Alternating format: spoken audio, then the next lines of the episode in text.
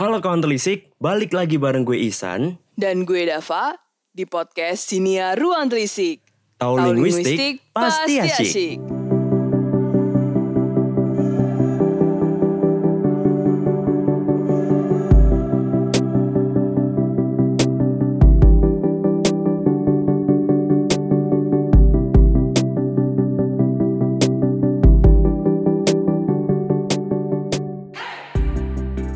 Gimana nih kabarnya kawan telisik? Semoga yang baru sakit cepat sembuh ya.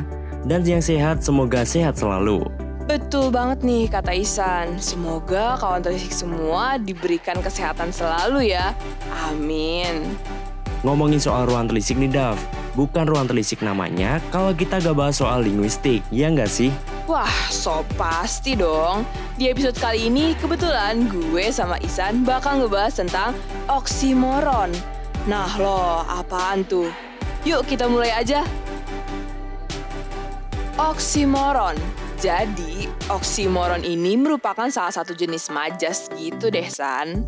Hmm, majas itu kayak hiperbola gitu kan, Dav? Kalau untuk penjelasannya dong, Dav. Menarik nih soalnya kalau kita ngomongin soal majas. Oke, gini-gini. Jadi kalau majas hiperbola itu kan penjelasannya majas yang dilebih-lebihkan. Tapi kalau oksimoron ini beda lagi. Hah? Apaan tuh bedanya? Jadi, oksimoron merupakan majas pertentangan yang mana menempatkan dua anatomi dalam satu hubungan sintaksis. Oh, jadi semacam menyandingkan dua kata yang berlawanan dalam satu deret kata, gitu kan, Dav? Yap, bener banget. Uh, gini gini, Gue kasih contoh deh. Misalnya perang saudara, sehidup semati, pasang surut, dan masih banyak lagi dah. Wait, aku penasaran sama istilah perang saudara yang digunakan. Kenapa nggak perang sipil? oh, kenapa diambil kata saudara itu? Karena diambil dari kata ketiga saudara dalam KBBI, yaitu orang yang segolongan. Sekarang coba lo kasih contoh lagi. Bisa nggak? Bisa dong. Bentar. Aku mikir dulu. Jatuh, bangun.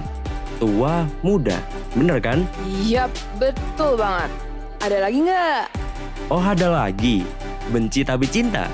Aduh, itu mah perasaan pribadi ya, San. nah, gimana nih kawan telisik? Sudah pada paham kan? Sebelum gue pamit, gue mau ngasih tahu sesuatu dulu nih. Buat kawan terisik yang punya karya sastra seperti cerpen, puisi, atau opini, yuk kirimkan karya lo ke ruangtelisik@gmail.com. Untuk karya yang kita pilih, nantinya bakal kita siarin di podcast Sinia Ruang Telisik ini loh. Keren banget gak tuh? Karya lo bisa dipublish di podcast ini. Makanya, buat kawan telisik, ditunggu ya karya-karya hebatnya. Betul banget Dal, selain itu, kami selalu berpesan kepada kawan telisik semua untuk terus menerapkan protokol kesehatan, supaya kita tetap sehat dan terhindar dari virus COVID-19. Dan jangan lupa untuk terus dengerin podcast Sinia Ruang Telisik. Tahu linguistik pasti asyik. See you manis-manisku.